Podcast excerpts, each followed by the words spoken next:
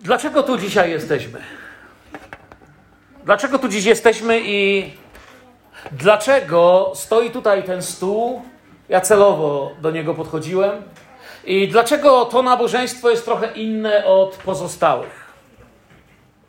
Ponieważ przyszliśmy tutaj złożyć Bogu co? Dziękczynienie. Dwie ważne, e, jakby rzeczy się stały, za które dziś dziękujemy. Dwa ważne owoce. Owoce Bożego obdarowania w naszym życiu i owoc tego, że Kościół się tutaj urodził. Czy, czy, czy, czy ta część Kościoła Chrystusa, która tu jest w Wiśle. Ten kościół lokalny, na ten rejon jest pastor Tadeusz, na inny rejon. My jesteśmy w Bielsku. Tam działa Kościół. Jesteśmy jednym Kościołem, a jednak jak sól po potrawie rozsiana po całej ziemi, nadajemy temu światu smak, mamy coś do powiedzenia, jesteśmy błogosławieni, jesteśmy tutaj właśnie dlatego, by złożyć dziękczynienie. Wiecie, że słowo dziękuję istnieje praktycznie w każdym języku świata. Czytałem o misjonarzach, to jest jedno z moich hobby.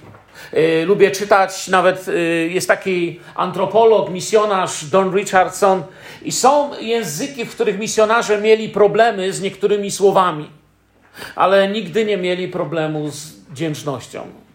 Nawet najbardziej prymitywne ludy, nawet najbardziej prymitywne narody, do których docierali misjonarze, mieli jakiś sposób powiedzenia dziękuję. Jest coś, co sprawia, że kiedy coś zrobimy, kiedy zrobisz coś dobrego, to dziękuję. Wiele razy nie czekamy. Ja nie myślę, że pastor czeka, żeby mu każdy dziękował, że jest pastorem. Ale wiecie, jaki szczęśliwy jest pastor, do którego ludzie podejdą, ja sam wiem, i podadzą rękę, powiedzą dziękuję, błogosławiłeś mnie i moją rodzinę swoim kazaniem. Ja na to nie czekam. Ja nie wychodzę ze zboru rozczarowany i nie mówię do mojej żony, wiesz, tragedia. Nikt nie powiedział mi dziękuję, chyba kończę z kaznodziejstwem. Nie. Ale kiedy ktoś powie, kiedy ktoś powie, dziękuję za Twoją miłość do Pana, ponieważ moje życie się przez to zmieniło. Wiecie, jest takie fajne słowo oddać Bogu chwałę. Czyli nawet gdyby mnie ktoś pochwalił, to ja wiem, gdzie to oddać. Nie przechowuję tego dla pychy, ale noszę to dla zachęty. Lubimy słowo dziękuję. Dziękuję w tylu językach świata. Każdy ze starszego pokolenia wie, co to znaczy spasiba, da? Widzę starsze głowy kiwają tak, a te młodsze co? Okej, okay, thank you. Teraz starsi mówią co? Danke. Kitos po fińsku. Taksomike po szwedzku. Aite po litewsku. Nie, Aite to było po litewsku czy po estońsku? Po estońsku. A ci lubej to było po litewsku. O. Gdzie myśmy kiedyś tam mieszkali. Od razu żona zauważyła, że coś tutaj wymyślam. I mógłbym jeszcze w paru innych językach. To słowo istnieje. Polski, angielski, szwedzki, angielski, szwedzki i tak dalej. Jakby wszędzie ludzie wiedzieli, że jest potrzebne. I dzisiaj zebraliśmy się, by językiem własnego serca powiedzieć Panu Jezusowi dziękuję. A więc, skoro zostałem zaproszony na święto dziękczynienia, to i o dziękczynieniu z Wami będę chciał się podzielić. Zobaczmy na wdzięczność. Trochę się tutaj wystraszyłem siedząc, bo wasz kochany pastor wyszedł i zaczął mi skazania skubać. No proszę, żeby się to więcej nie powtórzyło. Chwała Jezusowi. Tak Pan Duch Święty działa. Pan Jezus tak działa, że te same wersety nas jakby... Możesz powtórzyć wszystko. Dziękuję za prawa autorskie. Ale cały zbór będzie myślał, że przypisywałem od Ciebie. Ale widzicie, Pan Bóg nas tak prowadzi właśnie, że jakby Biblia wyraźnie pokazuje te, te ważne wersety. I jak mówię, zobaczmy dziś na wdzięczność, nie to religijno-egoistyczną taką wdzięczność, wiecie, no to jesteśmy kwita, czy nie jesteśmy kwita. Czasami zrobisz coś dobrego dla ludzi, potem ludzie zrobią tobie i mówią, no to jesteśmy kwita. Ale ja sobie myślę, że kiedy ja dla nich coś robiłem, nie byliśmy kwita, zrobiłem sam. Czemu oni chcą teraz być ze mną? To przecież nie na tym polega Kościół. Kościół polega na tym, że kochamy bliźniego i czynimy dobro, nie, czekują, nie czekając na dziękuję, naśladując naszego Pana i Jemu za wszystko dziękując. Dziękuję Bogu za możliwość życia i czynienia tego, co mogę. Jedynym powodem do wdzięczności u człowieka religijnego czy człowieka o nieodrodzonym sercu jest to, że może być gorzej. I on mówi, dobrze jak jest, chwała Bogu, że jest jak jest. No niech tylko gorzej nie będzie. Ale to nie jest wdzięczność, na którą Pan Bóg czeka. Jedynym powodem do zadowolenia u takiego człowieka jest właśnie to, że, że no, inni mają gorzej. To nie jest to, na co Pan Bóg czeka.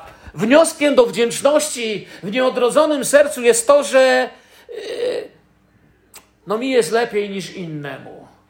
Temu nogę urwało, a mi się tylko złamała. To nie o to Panu Bogu chodzi. To nie jest wdzięczność, o której mówi Słowo Boże, którą mamy dawać. Mi nie jest lepiej, chcę Wam powiedzieć, przez to, że inni mają gorzej, i raczej denerwowało mnie, kiedy ktoś mnie pocieszał, mówiąc mi, że inni mają gorzej. To nie znaczy, że sam tak nie mówiłem, ale nie to dokładnie miałem na myśli. I nie znaczy, że nie rozumiem motywów, które kierują ludźmi, ale wiecie co? Nie chcę uruchamiać wdzięczności tam, gdzie powinno być współczucie. To, jak powiedziałem dzisiaj, że są kraje w Afryce, które nie mają, to nie dlatego do Was powiedziałem, byśmy poczuli, że no to dobrze, że nam nie jest tak źle, ale by dwie rzeczy w nas się działy. Panie, co mogę zrobić, by błogosławić innych bliźnich? I Panie, nie chcę zapominać, aby Tobie dziękować. Nie chcę nigdy zapominać o wdzięczności. Wiecie, wdzięczność szybko paruje, jest bardzo ulotna. Zranienia potrafimy nosić latami. Wdzięczność bardzo szybko ulatuje. Czasami z wdzięcznością jest jeszcze tak, czego świadkiem jako pastor wiele razy byłem, że przychodzi za późno, gdy nie można już powiedzieć dziękuję. Ileż to widziałem pogrzebów, gdzie dorosłe już dzieci nagle dochodziły do wniosku, że za mało mówiły dziękuję. Czy rodzice czekali na to dziękuję? Nie, to nie o to chodziło. Dziękuję, na które ktoś czeka, i dziękuję, które ktoś czuje, że musi mu dać. To nie jest to, czego nas uczy Pan Jezus. Nasze dziękuję pomiędzy naszym i Bogiem jest relacją z Panem. Słyszycie mnie? To jest relacja z moim Bogiem, na którego patrzę z miłością. I wejdźmy w to słowo, jak powiedziałem, nie będę chciał wcale nie wiadomo jak długo tu mówić, ale chciałbym, byśmy się skupili na słowie i aby Duch Święty mógł przemawiać do Waszych serc. Wejdźmy w prawdziwą wdzięczność, w miłość i społeczność z Panem. Roz, porozmyślajmy trochę o tym. Kiedyś zobaczyłem u kogoś na ścianie taką, taki plakat z jakimś ładnym widoczkiem, którego treść bardzo do mnie przemówiła. Właściwie nie była biblijnym wersetem, ale była bardzo biblijnie stwierdzona. Co bym miał, gdybym dziś obudził się z tym, za co wczoraj podziękowałem Bogu? Co byś dziś miał, gdyby zostało tylko to, za co wczoraj w modlitwie powiedziałeś dziękuję? Może niektórzy by się obudzili nadzy na trawie, bo nie byłoby ani domu, ani ubrania, ani jedzenia. Bo wydaje nam się czasami, że nam się wszystko należy. I właśnie wdzięczność rodzi się w sercu, które kocha. Dlatego mówię, że dziękowanie, wdzięczność między Bogiem i człowiekiem nie jest na zasadzie, no tak kulturalnie powiedzieć Bogu dziękuję, ale raczej na zasadzie miłości, kochania. Dziękuję i to jest we mnie prawdziwe, to jest we mnie szczere. Pierwszy, pierwszy, pierwsza kronik 16:4. Nie musicie póki co poszukiwać tego wersetu. Ja z niego nie będę usługiwał, ale chcę na coś waszą uwagę zwrócić. W pierwszej kronik 16:4 pisze, że ustanowił też niektórych z lewitów do posługi przed skrzynią pańską. Lewitów. My wiemy, że my jesteśmy tymi lewitami, ale troszeczkę na inny sposób. W tym królewskim kapłaństwie nosimy i tą posługę, ażeby wspominali, dziękowali i wychwalali Pana Boga Izraelskiego. To jest to, co oni robili w świątyni. My oczywiście w zupełnie inny sposób jako Kościół funkcjonujemy i wiele by tu można powiedzieć o nowotestamentowym kapłaństwie. o, o, o tym nowotestamentowym staniu przed Bożą świętością, ale to, co w tym Starym Testamencie tu widzę, to jest, zostali ustanowieni ludzie do uwielbiania, dziękowania, wychwalania Boga za to, co Bóg uczynił. Wiecie, każdy dar miłości każdy dar miłości jest nam dany dlatego, że ten ktoś nas kocha i uważa, że tego potrzebujemy. Dar miłości, który dają rodzice dzieciom, dar miłości, którym obdarowuje ojciec swoje dzieci. To nie są żadne pułapki. Ktoś nas kocha i obdarowuje nas, bo chce, żeby ten, który jest kochany, miał się dobrze. Wiemy, że czasami firmy różne rzeczy dają. Ale oni nie dają dlatego, żebyście im byli wdzięczni, tylko żebyście coś kupili. Oni nie dają dlatego, że kochają, ale dlatego, że kochają wasze pieniądze i na tym polega biznes. Ale kiedy jest relacja miłości, to ani nie daje się dlatego, że chce się coś zyskać, ani nie dziękuję się dlatego, że chciałoby się jeszcze. Relacja miłości polega na tym, że dziękuję jest prawdziwe. Bo dar miłości to nie byle jaki dar. Wiecie, już ósmym, na przełomie ósmego, dziewiątego wieku, żył taki człowiek, nazywał się Hezychiusz z Synaju. I powiedział takie słowa, cytuję: Dlatego też Królestwo Niebieskie nie jest zapłatą za trud, lecz łaskawym darem Pana, przygotowanym dla wiernych sług. Sługa nie żąda jako zapłaty wolności, ale jako dłużnik jest za nią wdzięczny i odbiera ją jako łaskę mi się nie należało to, co dostałem od Jezusa. Nie stałem przed Jezusem i nie mówiłem, gdzie moje zbawienie, gdzie jest to, co mi się należy. Powiedziałeś, że mi to dasz, ale każdy z nas, kto prawdziwie nawracał się, pamięta ten moment, kiedy człowiekowi popłynęły łzy, kiedy gdzieś w samotności, w zborze lub gdzieś tam skłonił się przed swoim Bogiem. Ratuj mnie, Panie. Jak psalmista opisał, pamiętacie? Wołałem, wołałem do mojego Jahwe, a on pochylił się nade mną i wydobył mnie z zagłady. I oto stawia moje nogi na skalę i zaczyna go uwielbiać. Bóg obdarowywuje z miłości. Bóg daje, Bóg chce, by się modlić i go prosić, ale też chce mieć udział w naszej radości z daru. I to nazywamy dziękczynienie. Zawsze zastanawiałem się, czemu, i myślę, że chyba nigdy nie odgadniemy do końca ojcowskiego serca, czemu Bóg tak chce, by mu o wszystkim opowiadać w modlitwie. Przecież wiemy z psalmu, że zanim słowo jest na języku moim, on już znaje w całości. A jednak on mówi: módlcie się, proście, poszukujcie, jakby mówi: chodźcie ze mną blisko, bo to właśnie jest chodzenie z Bogiem. Chodzenie z Bogiem to rozmawianie z Nim, bycie blisko z Jezusem. To jest to widzenie Go, kiedy wiesz, kim On jest i potrafisz jakby y, to, tą relację miłości właśnie zamienić w taką wdzięczność, dziękczynienie. Tacy ludzie na każdym miejscu przetrwają. Bodajże dwa dni temu moja żona wieczorem na modlitwie czytała, nie pamiętasz jak się nazywał ten Rumun, o którym czytałaś? Zapomniałem, nie pamiętam, rumuńskie imię, nazwisko, zapomnieliśmy, ale przeczytała mi przepiękną historię. Mamy taki zwyczaj, że na naszej wieczornej modlitwie rodzinnej czytamy różne ciekawe rzeczy. I przeczytała mi historię pewnego więźnia z Rumunii, który trafił, wiecie, do ciężkiego więzienia za to, że był chrześcijaninem i znalazł się w takiej samej nieszczęsnej doli z jakimś profesorem bardzo wielce wykształconym, którego również tam posadzili komuniści za coś tam. I ten profesor się z nim spotkał i dyskutowali, yy, spierali się na temat, czy Bóg istnieje. Ten profesor mówi, Boga nie ma, nie ma szans, żeby Bóg był. A ten więzień mu odpowiada, ale Bóg jest, bo ja go widziałem. On mówi, widziałeś Boga, ciekawe. To ci dopiero, gdzieś ty go widział. On mówi, na modlitwie go widziałem. No to powiedz mi, jak Pan Bóg wyglądał, jaki ma wyraz twarzy. Znaczy mówię, mówię, pewnie, że ci powiem, kiedy go widzę w modlitwie, Bóg się do mnie uśmiecha. Profesor mówi, ciekawe, no. On mówi, pokaż mi, jak się uśmiecha, uśmiechnij się tak do mnie. Wiecie, tam przepięknie było opisane w tym świadectwie. Ten człowiek był w brudnym, więziennym, wiecie, takim drelichu. Nie miał większości zębów. Byli brudni, zarośnięci, zaniedbani. I wziął i szeroko się uśmiechnął do tego profesora. I było dla nas niesamowite, kiedy żona mi czytała i ona tam przeczytała, że ten profesor spojrzał na niego i powiedział: Faktycznie, ty widziałeś Jezusa. Było coś w uśmiechu tego człowieka, co sprawiło, że się spotkali. I słyszałem o tym wcześniej. Czytałem kiedyś o jednym człowieku, liderze pewnego przebudzenia. I też o nim pewien grzesznik powiedział: nie nawróciłem się na jego ewangelizacji, nawróciłem się na ulicy, kiedy go spotkałem. A ktoś go spytał, a co on robił? Nic nie robił, przechodził przez ulicę, zobaczyłem go. Było w nim coś, co mówiło: Spotkałem Jezusa. W Biblii Pan Jezus zauważa brak wdzięczności.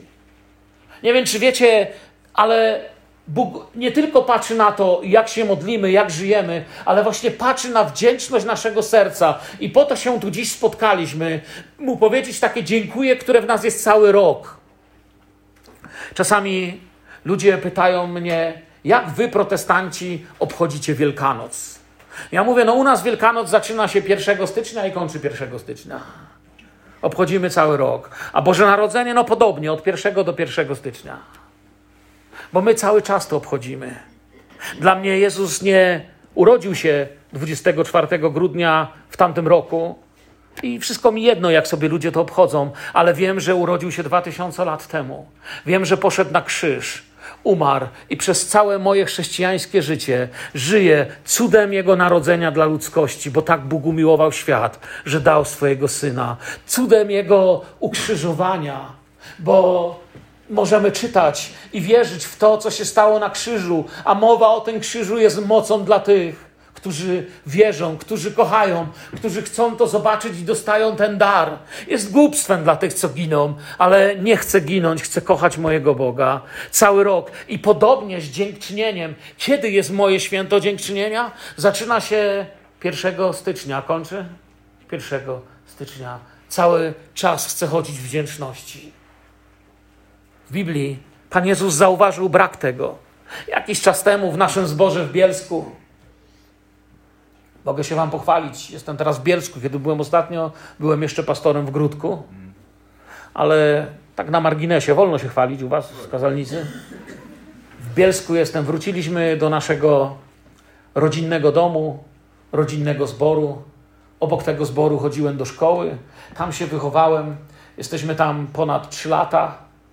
Niedawno miałem przywilej zostać pastorem tego zboru i kiedy tam stawałem, to właśnie wiele razy z dziękczynieniem myślę o Bogu, który poprowadził moje kroki i mogę mu dziękować. I właśnie w naszym zborze parę mm, tygodni temu usługiwałem na taki temat, a gdzie jest dziewięciu? Pewnie się domyślacie, z jakiego fragmentu to było kazanie. To było kazanie z tego fragmentu właśnie, czy taki nawet można powiedzieć rozbiór Słowa Bożego, gdzie Pan Jezus uzdrowił dziesięciu. Ale zapytał, gdzie jest dziewięciu? To pokazuje na problem z wdzięcznością w naszym życiu. Nie chcę oczywiście powtarzać kazania, które można sobie posłuchać na stronie zboru. Myślę tylko, że wiecie, jedyne miejsce, prawdopodobnie, gdzie nie ma wdzięczności, to jest tak naprawdę piekło. Bo niebo i serce wierzącego będzie pełne wdzięczności. Amen. Niewdzięczność jest wynikiem pychy i ślepoty na własną osobę, tego kim się jest i na świat wokół. Jeszcze raz powiem, niewdzięczność jest wynikiem pychy. To pycha sprawia, że człowiek nie jest wdzięczny. Bo kiedy człowiek nie ma się za nie wiadomo kogo i nie jest Bogiem swojego malutkiego świata, to jest wdzięczny za każdy okazany mu da, dany mu dar, czy okazaną mu łaskę. Mogę powiedzieć Ci, dziękuję oczywiście na zasadzie takiej kulturalnej, dziękuję, ale rozbić dar o ziemię. Nasza cywilizacja jest pełna niewdzięczności.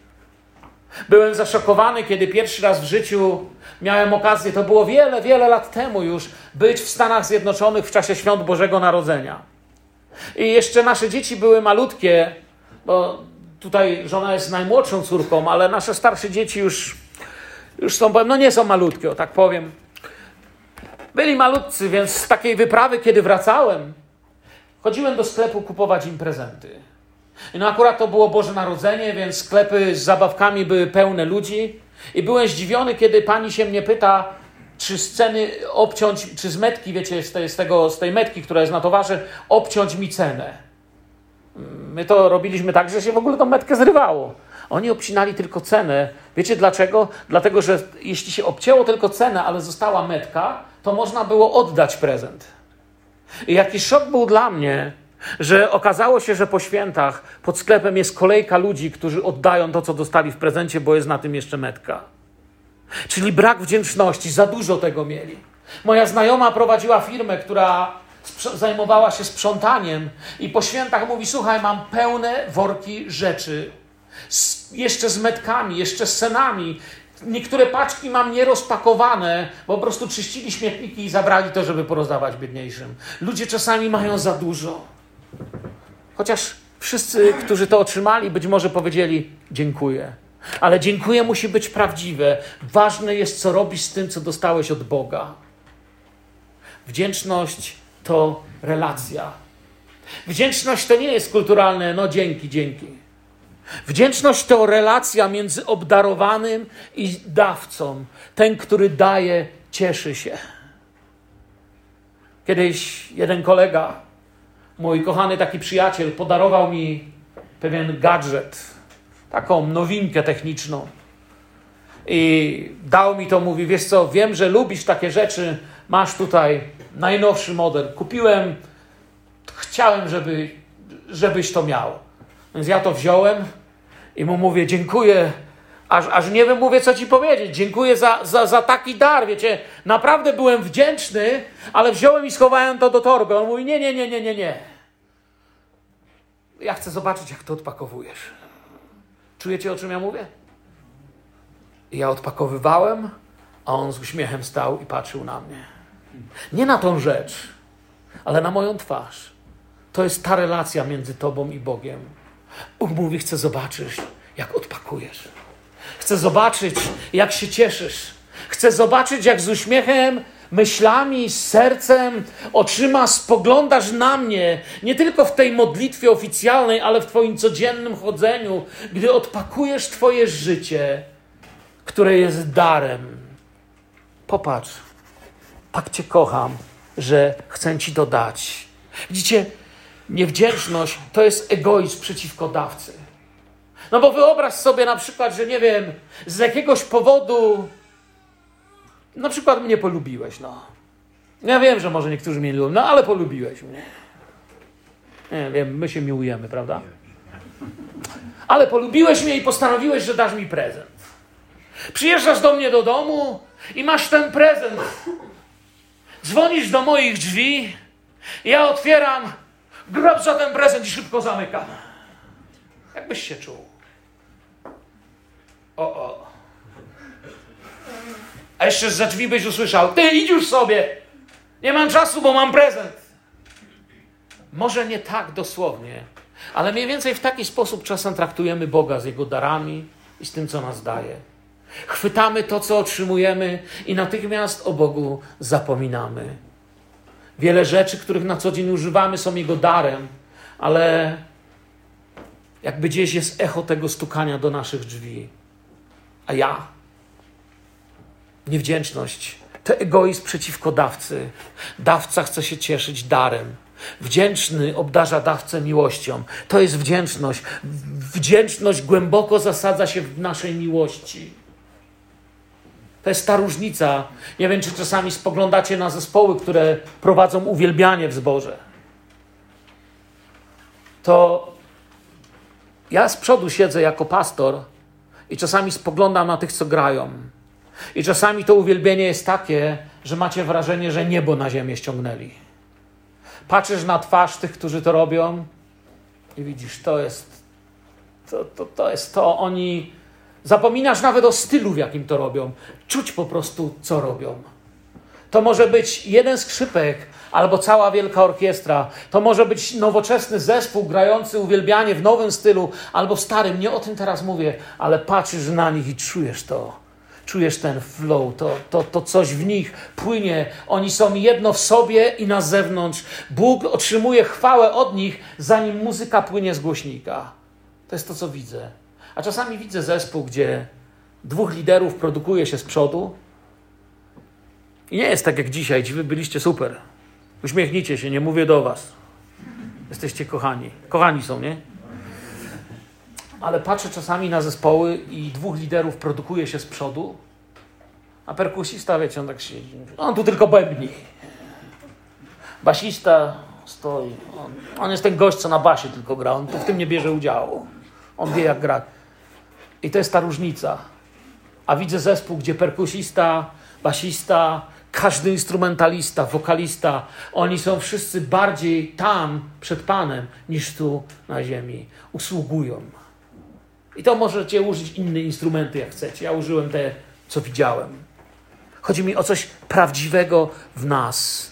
Niewdzięczność to egoizm przeciwdawcy.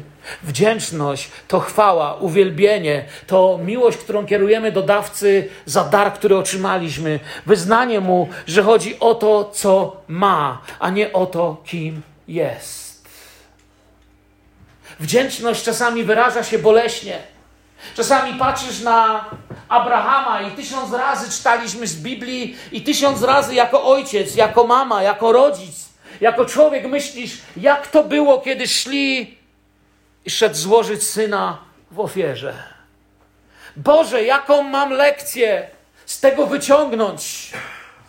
I ta największa lekcja z tego, kiedy patrzysz, jak idzie ojciec ofiarować syna, i oczywiście wiemy, że Bóg zatrzymał jego dłoń. Bóg mówi: Chciałem coś zobaczyć, parafrazując to, to, to całe wydarzenie.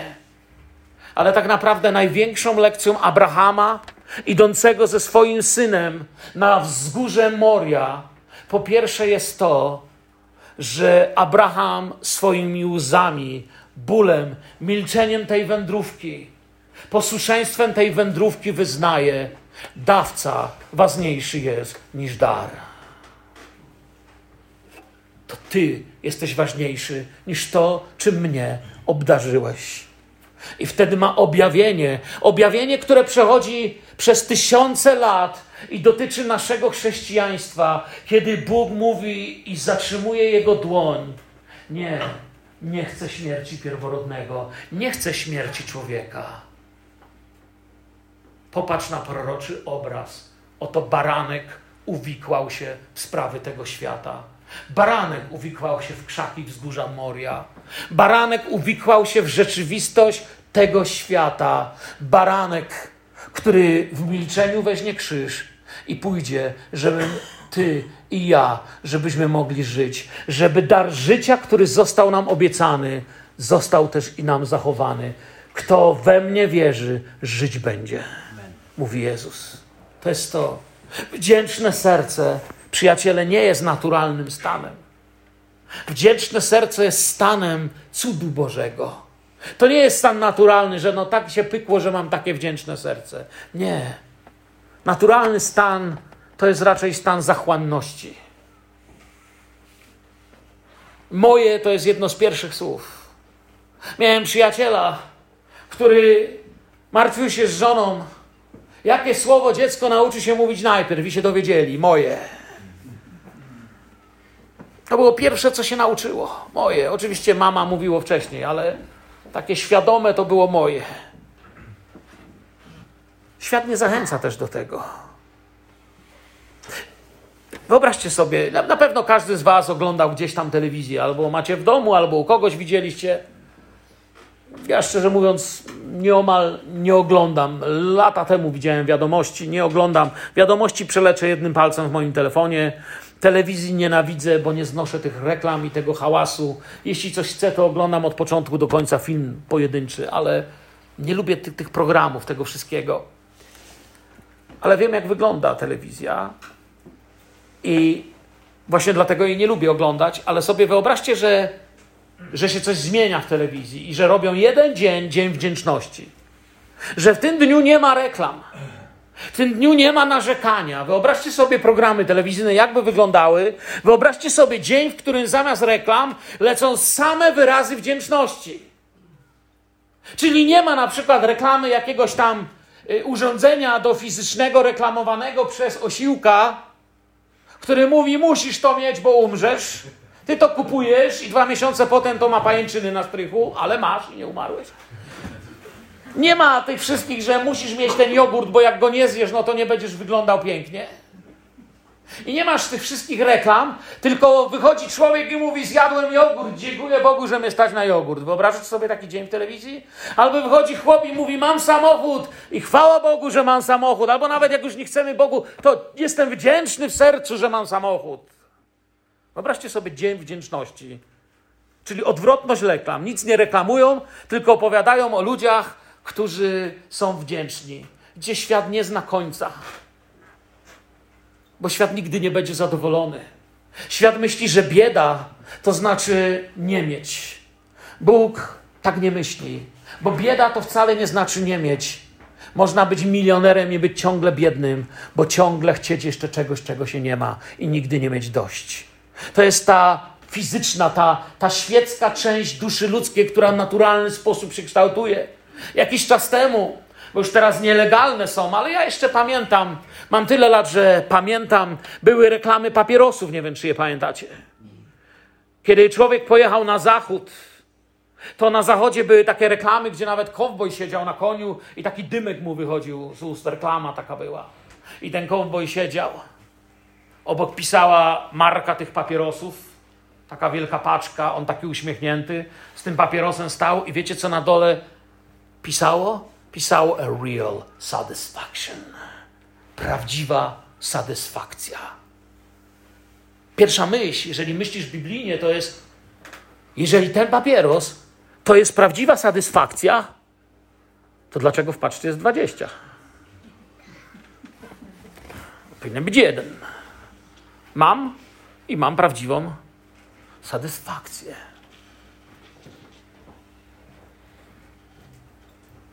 Pamiętam lata temu, jeszcze kiedy byłem w początkach mojej wiary, jeden z kaznodziejów, ewangelistów zacytował Jaggera z Rolling Stonesów, który śpiewał I can get no satisfaction, nie mogę znaleźć satysfakcji. I to była prawda o tym świecie.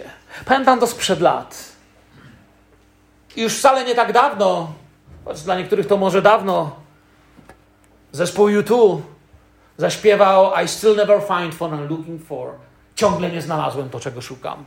I myślę, że takie piosenki będą powstawać w świecie, bo nigdy nie znajdą. Świat nie potrafi się zadowolić, bo ciągle musisz mieć nowszy model. Musisz mieć więcej, więcej, więcej, jeszcze, jeszcze, jeszcze.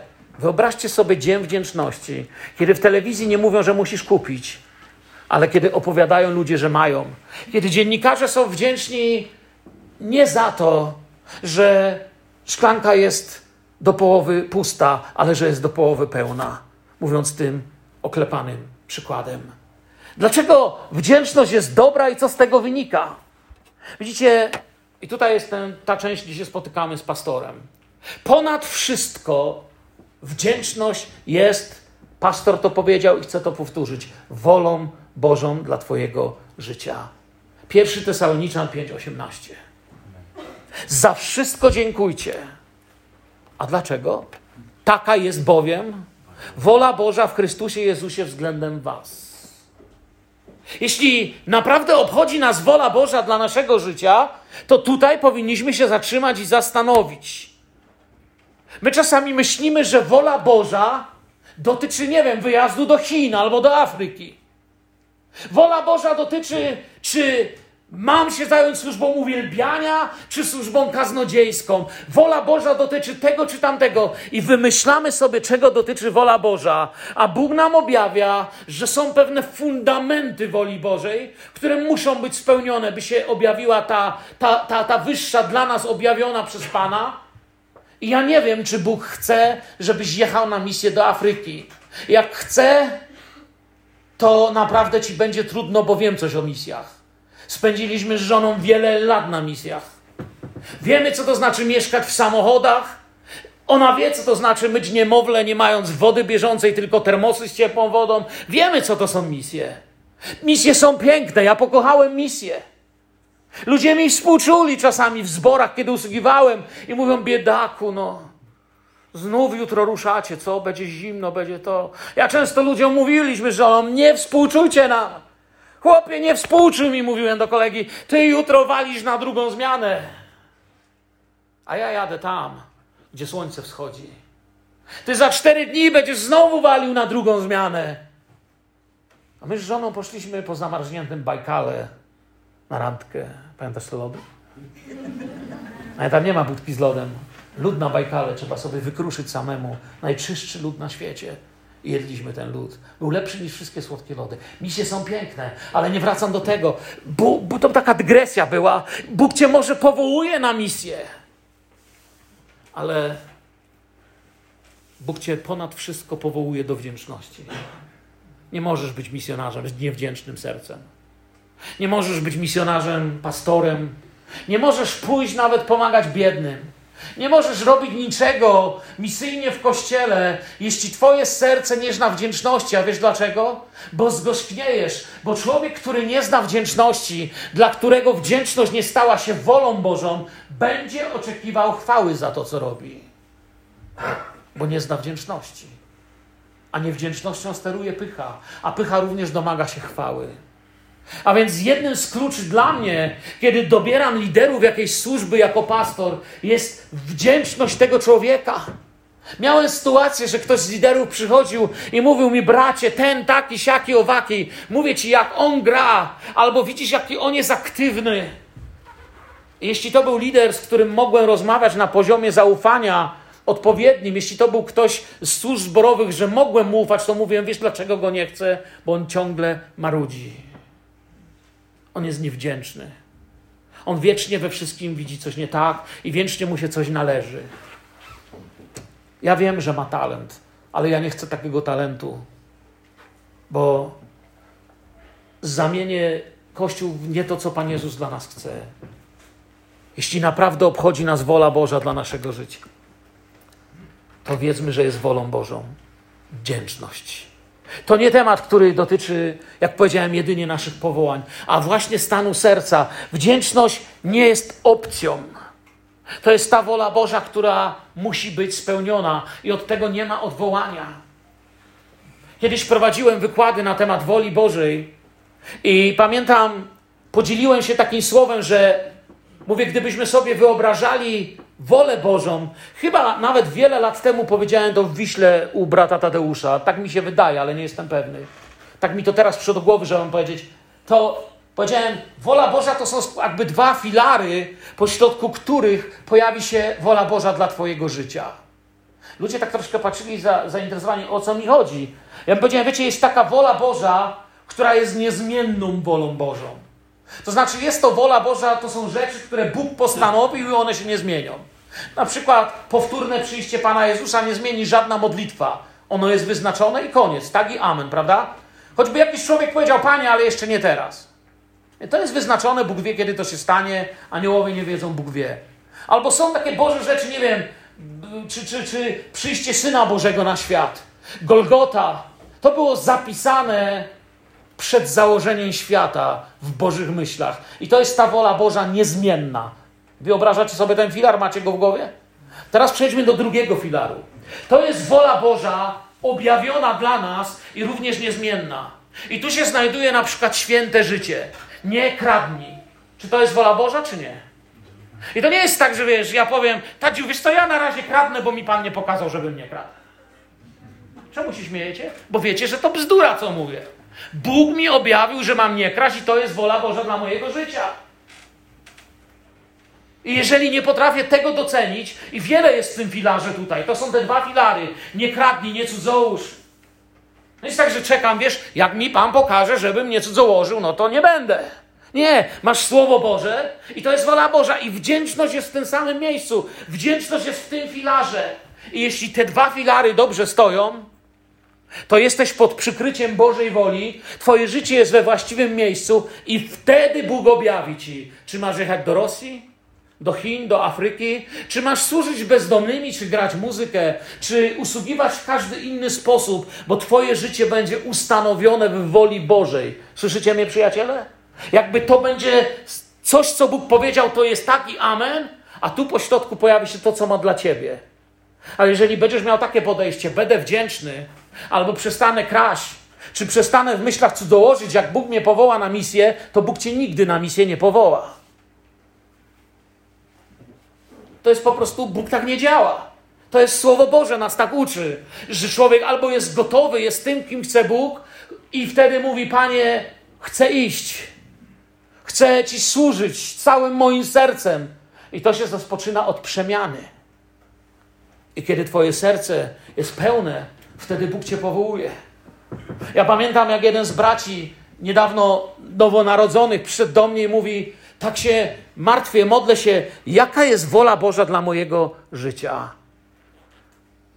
I mówi, wiesz, siedzę i tylko czytam i czytam Biblię, czytam już ją drugi czy trzeci raz. Chłop się niedawno nawrócił i kolejny raz czyta Biblię. Ja mówię, wiesz co, powiem ci, nigdy nie widziałem jeszcze, żeby jakiś człowiek, bez względu na to, czy mężczyzna, czy kobieta, napełniał się Słowem Bożym i żeby Bóg tego nie wykorzystał i go nie powołał.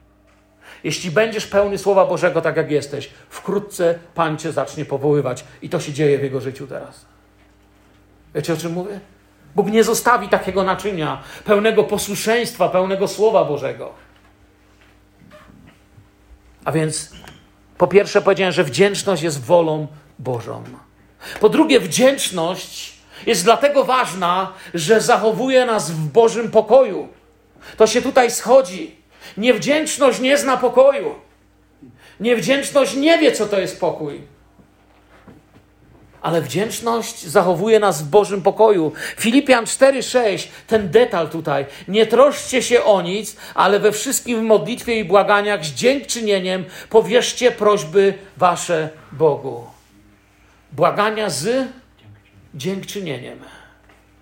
I czasami mówi się, że aha, to chodzi o to, żeby podziękować, chociaż jeszcze nie mam. I z tego powstały różne bardzo dziwne nauki gdzie nauczano, jak prosisz o Mercedesa, to dziękuj za niego, że go masz i mów Bogu, jakiego jest koloru. No nie o to chodziło. Kiedy prosisz o coś Boga, mniej serce pełne wdzięczności za to, kim jesteś, gdzie jesteś, co już masz i co jeszcze Pan dla Ciebie przygotował. Dużo prostsze i łatwiejsze, a nie fałszuje Ewangelii. Jestem Ci wdzięczny, Panie, bo wiem, że dawca ważniejszy jest niż dar dar wypływa od dawcy. I to mocno pokazuje, gdzie skupia się nasz wzrok i nasze nadzieje. Pozwala nam pamiętać wszystko, co już się stało. Jednym z elementów modlitwy wstawienniczej, kiedy jesteś w zborze kimś, kto jest wstawiennikiem, czyli modlisz się o problemy ludzi.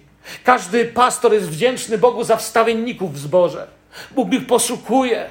Czyli ludzi, których mogę powiedzieć, kiedy ludzie wyjdą do przodu, czasami robię wezwanie, ludzie wychodzą i mogę wtedy powiedzieć: proszę, podejdźcie, starsi zboru, diakoni, ci, którzy się modlicie z ludźmi. I są w każdym zborze takie osoby, których serce jest zawsze wdzięczne, czyste, jest gotowe, przychodzą na nabożeństwo nie tylko po to, żeby wysłuchać kazanie, ale są gotowi, by służyć. Choćby właśnie starsi zboru. Pamiętam, jak Niedawno zrobiłem wezwanie i powiedziałem, aby starsi zboru wyszli i ci ludzie, wiecie, z taką nadzieją stali z przodu. Bóg naprawdę niesamowicie okazał nam swoją łaskę. Wymodliliśmy osoby, nad którymi lekarze przekreślili. W ostatnim czasie kilka takich uzdrowień mieliśmy, gdzie Bóg uzdrowił ludzi, którzy, którzy, którym lekarze nie dawali szans. I to nie z nas, to Boży dar, chcę, żebyście wiedzieli. Tajemnicą nie jest miejsce, nie jest bielsko, nie jest nazwisko kogoś z nas. Tajemnicą jest Jego obecność. I to nastawienie, z którym się przychodzi. Wtedy powiedziałem do ludzi tak, nie martwcie się. Starsi zboru to są ci, którzy przyszli na nabożeństwo gotowi. To nie są ludzie korupcji ale to są ludzie integracji, ludzie, którym możecie ufać. Ja wiem, że przyszli gotowi, by się o Was modlić. To nie znaczy, że ich życie jest z górki, ale to znaczy, że wiedzą, kto jest najważniejszy. Wdzięczność niesie pokój, kiedy prosisz. Już masz pokój. Pozwala nam pamiętać o tym, co już Bóg dla nas zrobił. To tutaj, w pokoju Chrystusa, spotyka się wdzięczność i powołanie w działaniu. Kolosan 3,15 pięknie pokazuje, rzuca światło. A w sercach waszych niech rządzi co? Pokój Chrystusowy, do którego też powołani jesteście w jednym ciele, a bądźcie wdzięczni. Oto wdzięczność, powołanie i zarządzanie, rządy, władza. Innymi słowami mówiąc, Jezus jest Panem. Jezus jest Panem. I moje serce w wdzięczności, dziękczynieniu poddaje się Jego władzy. To oznacza, że Jezus jest Panem. Wdzięczność i pokój, jak GPS, potwierdzają, że idziemy we właściwą stronę. Wyznaczają właściwy punkt, w którym jesteśmy. Gdy tracę pokój, to wiem, że wychodzę poza wolę Bożą. To jest ważne, co do Was teraz powiedziałem. Kimkolwiek jesteś, uczniem, pastorem, biznesmenem, rencistą, emerytem, nauczycielem, taksówkarzem, budowlańcem, inżynierem, docentem, kimkolwiek jesteś, ta sama zasada działa w Twoim moim życiu. Jeżeli dochodzisz do takiego miejsca w Twoim życiu, że nie masz już pokoju, bo już dosłownie nie wiesz, gdzie masz ręce włożyć, to jest znak, że gdzieś wyszedłeś poza to, co Bóg dla Ciebie ma. Kiedy ja widzę, że przestaję spać, że martwię się pięcioma rzeczami naraz, z czego mogę tylko jedną z nich zrobić. Kiedy widzę, że już nie wiem sam, gdzie ręce wsadzić. I uwierzcie mi, wiem, co to znaczy wypalić się w tym. Doprowadzić się do miejsca, że człowiek mało rozumu nie straci od wszystkiego, co chciał zrobić. I z doświadczenia Wam powiem, kiedy zaczynasz żyć takim rozbitym, rozerwanym życiem, że robisz więcej niż możesz, robisz więcej i więcej i już nie śpisz po nocach, bo tyle tego do zrobienia, tyle roboty, tyle wziąłeś na siebie, tyle obietnic złożyłeś, tyle spraw musisz załatwić, to ten niepokój, to rozszarpanie jest znakiem, gdzieś wyszedłeś poza wolę Bożą. Bo Bóg cię nie powołał do tego, żebyś był Bogiem numer dwa. Bóg cię nie powołał do tego, żebyś zarządzał swoim malutkim wszechświatem. Bóg cię powołał do wdzięczności i do pokoju Chrystusa, który ma rządzić w moim, Twoim sercu. Amen? I ja wiem, że to się łatwiej mówi niż robi. Wiecie, dzisiaj do Was nie mówię w tej sprawie jak ten, który już wie, i mówi do tych, co nie wierzą. Mówię jak ten, co się ciągle uczy, do tych, którzy też się uczą. Amen. Bo tak to jest. Wdzięczność pomaga nam, po trzecie mógłbym powiedzieć, wdzięczność pomaga nam żyć w wolności od upadków w grzech. Pomaga. Nie jest jedyną tajemnicą tego, że człowiek nie upada w grzechy, ale jest wielkim, wielkim elementem tego, że Twoje życie będzie wolne od wielu grzechów, jeżeli masz w swoim sercu wdzięczność. Pamiętacie Pawła, co mówił do Filipian? Umiem się ograniczyć. Umiem też żyć w obfitości. Wszędzie i we wszystkim jestem wyćwiczony. Umiem być nasycony, jak i głód cierpieć, obfitować i znosić niedostatek. Czyli parafrazując cały ten werset, można by było powiedzieć: w każdych warunkach umie. Potrafię, wiem jak. A z innych wypowiedzi Pawła wiemy, że Paweł nie uważa siebie za nie wiadomo kogo, ale uważa, że wszystko, co ma, zyskał w Chrystusie.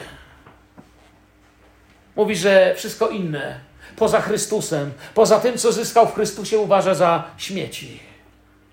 To wszystko nie ma znaczenia. I jak wiemy, tłumacz, tłumacząc słowo śmieci, był bardzo delikatny.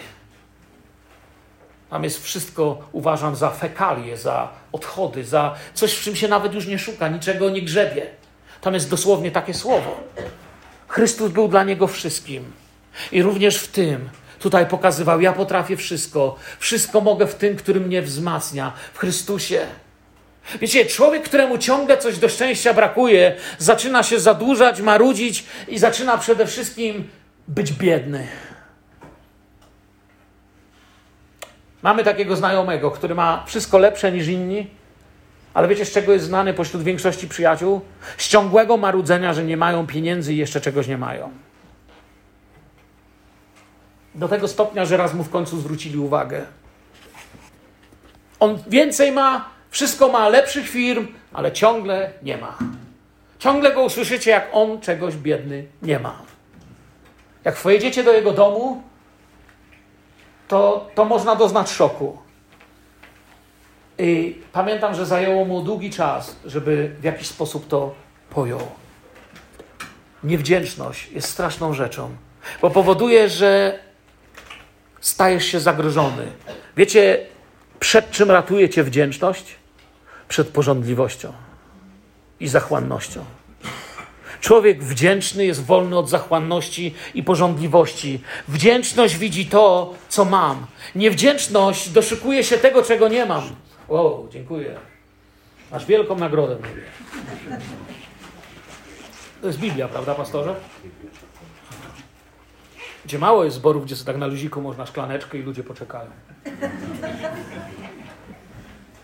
Przepraszamy, że nie było wcześniej. Nie no, przyszła w odpowiednim czasie. Wszystko. Wiedział zanim poprosił. jeszcze jeden raz poleciał. Teraz dostanę kilka szklanek. A wdzięczny jestem za tą wodę, dziękuję. Wdzięczność widzi to, co mam, a niewdzięczność widzi to, czego nie mam. I dlatego niektórzy ludzie w zborze zawsze są niezadowoleni. Macie takich? U was może nie ma, nie? Niektórzy są zawsze niezadowoleni w swoim życiu, zawsze niezadowoleni w swoim małżeństwie, zawsze niezadowoleni w tym, co mają, bo wdzięczny człowiek ma inne serce, inną twarz, inne tematy i inne owoce. O tak powiem, żeby za dużo o tym nie mówić. Wdzięczność najczęściej działa w osobistej relacji, a niewdzięczność z reguły działa z boku, w zazdrości, w milczeniu, w knuciu. Bo wdzięczność, wdzięczność potrzebuje pobiec, objąć. Kto miał małe dzieci, to wie. Jest coś piękniejszego niż córeczka, która zasuwa, tak że patrzysz, czy się nie wywróci, krzyczy tatusiu i chce ci się rzucić na szyję. Dziewczyny są w ogóle. Myśmy dwóch chłopców wychowali i dwie dziewczyny, ale dziewczyny to są księżniczki. A pewnie, że czasami są mniej wdzięczne. Nasza starsza córka wychowała się przy dwóch braciach. Jeden był młodszy od niej, drugi starszy. I ja, tatuś, kiedy jeszcze była mała, wiecie, chłopcy się bawili czołgami, takimi samolotami, nie? No ale jej kupiłem jakiś tam, nie pamiętam, jakąś tam Barbie czy konika pony, już nawet nie pamiętam, co to było. Ale pamiętam, co odpowiedziała. Dałem jej to, ona się rozpłakała i mówi, Jace czołg. Pewna niewdzięczność. Ale wyrosła dziś na bardzo wdzięczną, o nie ta, to nie ta, ta.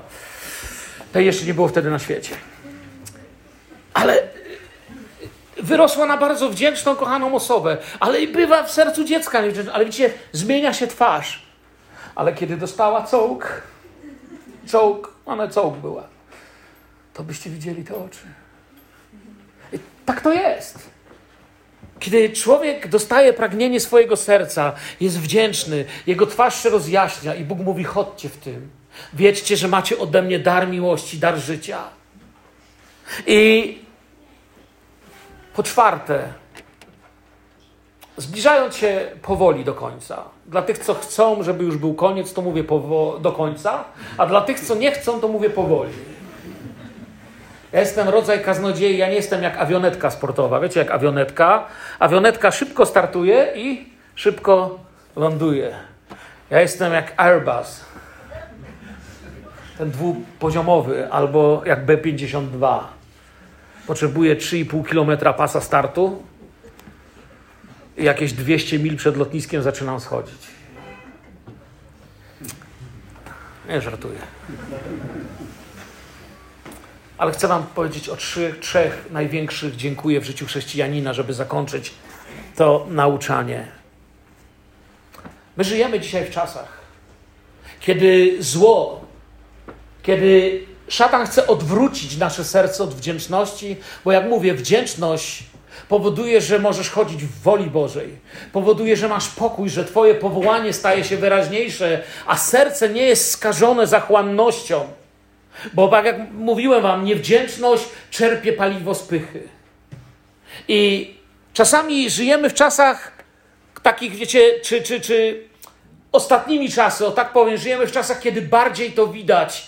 Przez ostatnie 20-30 lat społeczeństwa stały się bardzo wymagające i coraz mniej wdzięczne. Ale są w kościele rzeczy, za które nigdy nie powinniśmy dziękować. I to jest niesamowite, kiedy dzisiaj tutaj były te głośne modlitwy, to jedna z tych modlitw była o jedną z tych spraw, o które chcę powiedzieć. Inne były o innych, ale wiecie, jest coś, co nas jednoczy. Chrześcijanie potrafią się umówić i, gdzieś tam w jakichś, wiecie, ekumenicznych gronach potrafią się umówić, że nie wiem, będą szanować swoje obrazki, piosenki, ubrania i zwyczaje. Ale to nie o to chodzi. To, co naprawdę czyni nas jedno, to jest żyjący w nas Duch Święty prowadzący nas Pan Jezus Chrystus. I wdzięczność za to właśnie, i uwielbianie i oddawanie Bogu czci, co naprawdę jest najważniejsze. I gdybym miał powiedzieć dzisiaj, podziękujmy Bogu za trzy najważniejsze rzeczy, za jakie możemy Mu podziękować, to co by to było w Twoim życiu? Chcę Ci powiedzieć, co to na pewno powinno być bo gdyby nie to, wszystkiego innego by nie było. Trzy największe obiekty chrześcijańskiej wdzięczności, uwielbienia, trzy największe obiekty uwielbiania, czy, czy, czy tematy uwielbiania, bo tym obiektem, osobą, którą uwielbiamy, jest Pan Jezus Chrystus, jest Boży Majestat, ale te trzy rzeczy, za które najbardziej powinniśmy Mu dziękować i niepodważalne elementy Bożego planu, to jest krzyż, zmartwychwstanie i powtórne przyjście Pana Jezusa i sąd. Czy sąd Boży, jak wolicie. Te trzy rzeczy powinny być elementami wdzięczności Twojego serca, w których chodzisz. To są miejsca, jakbym powiedział, odważę się nazwać najświętsze dla tych, którzy kochają Jezusa. Krzyż, na którym za mnie umarł mój Pan. Grób, który swoją pustką zapowiedział moje życie, że żył będę, chociaż nie powinienem. I Boży tron, miejsce, gdzie zmierzam z radością, ponieważ nie usłyszę to, co powinno być moim wyrokiem, ale gdy go zobaczymy, będziemy podobni do niego. Usłyszę to, co zrobił dla mnie mój Pan Jezus. Że ośmielam się mówić Ojcze nasz, że mogę do Boga mówić Ojcze i mogę mieć dom w niebie i zmierzać tam. Dlatego właśnie nie podoba się diabłu i światu, że Kościół nie przestaje za to dziękować pod krzyżem Jezusa. Pod krzyżem Jezusa. Wiecie, co robi świat? Świat się śmieje. Religia politykuje, a Bóg wypełnia swoje słowo, a grzesznik pokutuje. Te cztery rzeczy Wam pokazują. Co robi świat, co robi religia, co robi Bóg i co robi grzesznik. Pod krzyżem Jezusa świat się śmieje, religia politykuje, Bóg wypełnia swoje słowo, a grzesznik pokutuje. I jeśli chodzi o krzyż, nie jestem może tyle lat wierzący, co niektórzy z Was, ale 28 lat mojej praktyki w służbie czegoś mnie nauczyło. Wiecie, jaka jest jedna z większych lekcji? Najbardziej stali wierzący ludzie w zborze, jakich mam. Byłem pastorem w Rosji, w Estonii. Tam się uczyłem, stawiałem pierwsze kroki. 16 lat byłem pastorem w Chełmie. 6 lat w Grudku, w Czechach. Ostatnie 3 lata jestem w Bielsku. A ostatnio nawet przejąłem służbę po pastorze, którego kocham, przy którym się nawracałem i który zaufał mi i Bóg obdarzył mnie łaską, że mogę służyć ludziom. I coś się nauczyłem. Najbardziej stali ludzie, których żadne sztormy nie zmyją, to są ci, co się pod krzyżem nawrócili. Ci, co się nawrócili, bo im ktoś coś obiecał.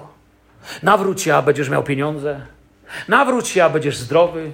Nawróć się, a coś tam za to będziesz miał. To są ludzie, których zmywa pierwszy sztorm i pierwsza fala. To są ludzie, którzy padają jak muchy przy pierwszym zniechęceniu.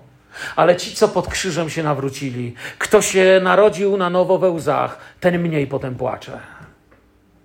Kto, wiecie, moim zdaniem nie da się pokutować skacząc z radości. Bo jak zobaczymy, co myśmy mu zrobili, to możemy, to możemy tylko, nie wiem, śpiewać Golgotę, tą sławną pieśń z tych rejonów naszych tu, czy możemy tylko się rozpłakać. Ale kto się pod krzyżem urodził na nowo, tych ludzi z kościoła jest trudno zmyć różnymi sztormami. Oni wiedzą, co przeżyli, wiedzą, co widzieli. Wyobraźcie sobie tylko, kim byłby apostoł Piotr, gdyby nie zobaczył krzyża, gdyby nie zobaczył pustego grobu, gdyby nie doświadczył pięćdziesiątnicy. On to musiał zobaczyć. On się musiał wyprzeć, on musiał widzieć tą ciemność, tą Golgotę. On musiał zobaczyć ten grób, nim to musiało wstrząsnąć. On musiał usłyszeć: Paś, owce moje. On się musiał spotkać. Ludzie rzeczywistości są rzeczywistymi chrześcijanami, są rzeczywistymi naśladowcami. Ludzie, których przekonano, ugadano, umówiono, przyjdź, będzie lepiej. To nie są ludzie, którzy wystoją, chyba że coś przeżyją. Po drugie, obiektem wdzięczności powinien być powinno być to zmartwychwstanie Pana. Gdy kamień był odrzucony, wiecie co się dzieje, kiedy kamień jest odrzucony? Znowu wam pokażę cztery rzeczy. Świat. Kiedy kamień był odrzucony od grobu, świat uciekł. Wyszkoleni, potężni żołnierze zwiali jak muchy, albo najpierw się nie mogli ruszać, a potem zwiali. Bo najpierw to się ruszyć ze strachu chłopaki nie mogli, a potem uciekli. I musieli ich przekonywać, co mają mówić, jeszcze im zapłacić. Religia wobec pustego grobu i zmartwychwstania kłamała, bo to przeczyło doktrynie, przeczyło temu, co myśleli.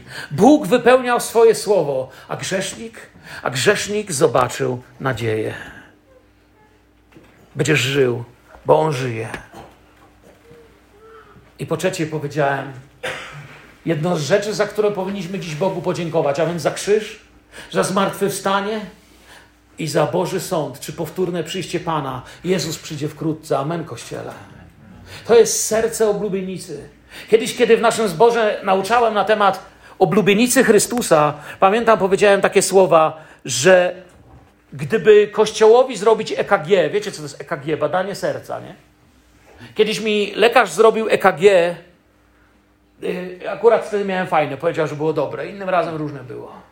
Ale miałem EKG i według EKG potrafił powiedzieć, jaki jest mój stan. Wiecie, jakie jest prawidłowe EKG Kościoła? Gdybyście przyłożyli ucho do serca Kościoła albo jakąś aparaturę, to ten wyznacznik, wiecie co by mówił? Przyjdź, Panie Jezu.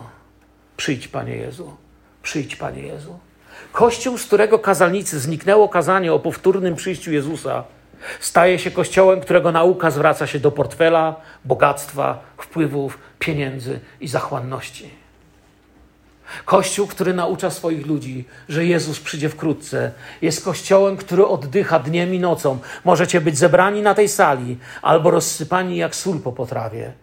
Ale w waszych domach bije serce kościoła, który mówi: choćby dzisiaj przyjdź, jestem gotowy, czekam na ciebie, zbawicielu. Taki kościół nie boi się sądu. Tak jak lwięta nie boją się ryku lwa. Bo my wiemy, że to, co dla tego świata, wiecie, kiedy świat czyta objawienie Jana, to też mówiłem u siebie w zborze, nauczając tej księgi, to świat czytając apokalipsę Jana widzi tylko śmierć, ruiny, dymy, a Kościół, Kościół czytając objawienie Jana widzi zwycięstwo, świętość, radość i nie ma śmierci już, nie ma smutku, i nie ma narzekania, łzy są obtarte i dojdziemy do naszego domu. Żyjcie, przyjaciele, kończąc powoli moje słowo na dzisiaj. Żyjcie wdzięcznością. Tak bardzo Bóg umiłował Ciebie, że poszedł dla Ciebie na krzyż. Tak bardzo potężny jest dar życia, że Żyd będziesz, bo On żyje i bądźmy wdzięczni za Jego grób, który jest pusty, pusty tak jak będzie Twój grób, bo Pan nas zawoła na głos trąby i archanioła. Najpierw powstaną ci, co zasnęli w Chrystusie, potem my. I tak zawsze już z Panem będziemy, wiecie o tym? Amen.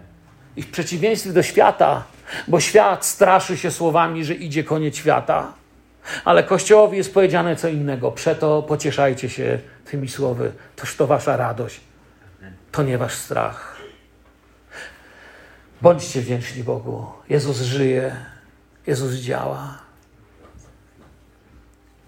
Jeżeli czujesz dzisiaj, potrzebujesz modlitwy. Jeżeli czujesz, że dzisiaj Duch Święty dotykał Twojego serca, i widzisz, że Twoje serce jest pełne niewdzięczności, albo być może nawet zachłanności, albo walczysz z czymś, co powoduje, mówisz, Panie, chcę się nauczyć mówić dziękuję Tobie za to, co mi dajesz. A tego się chyba w jakiś sposób wszyscy ciągle tu uczymy. Albo potrzebujesz wsparcia w modlitwie, bo chcesz wejść na drogę prawdziwego uczniostwa. Chcę wam wiedzieć, Kościół bez uczniów Pana Jezusa jest tylko organizacją bez sensu.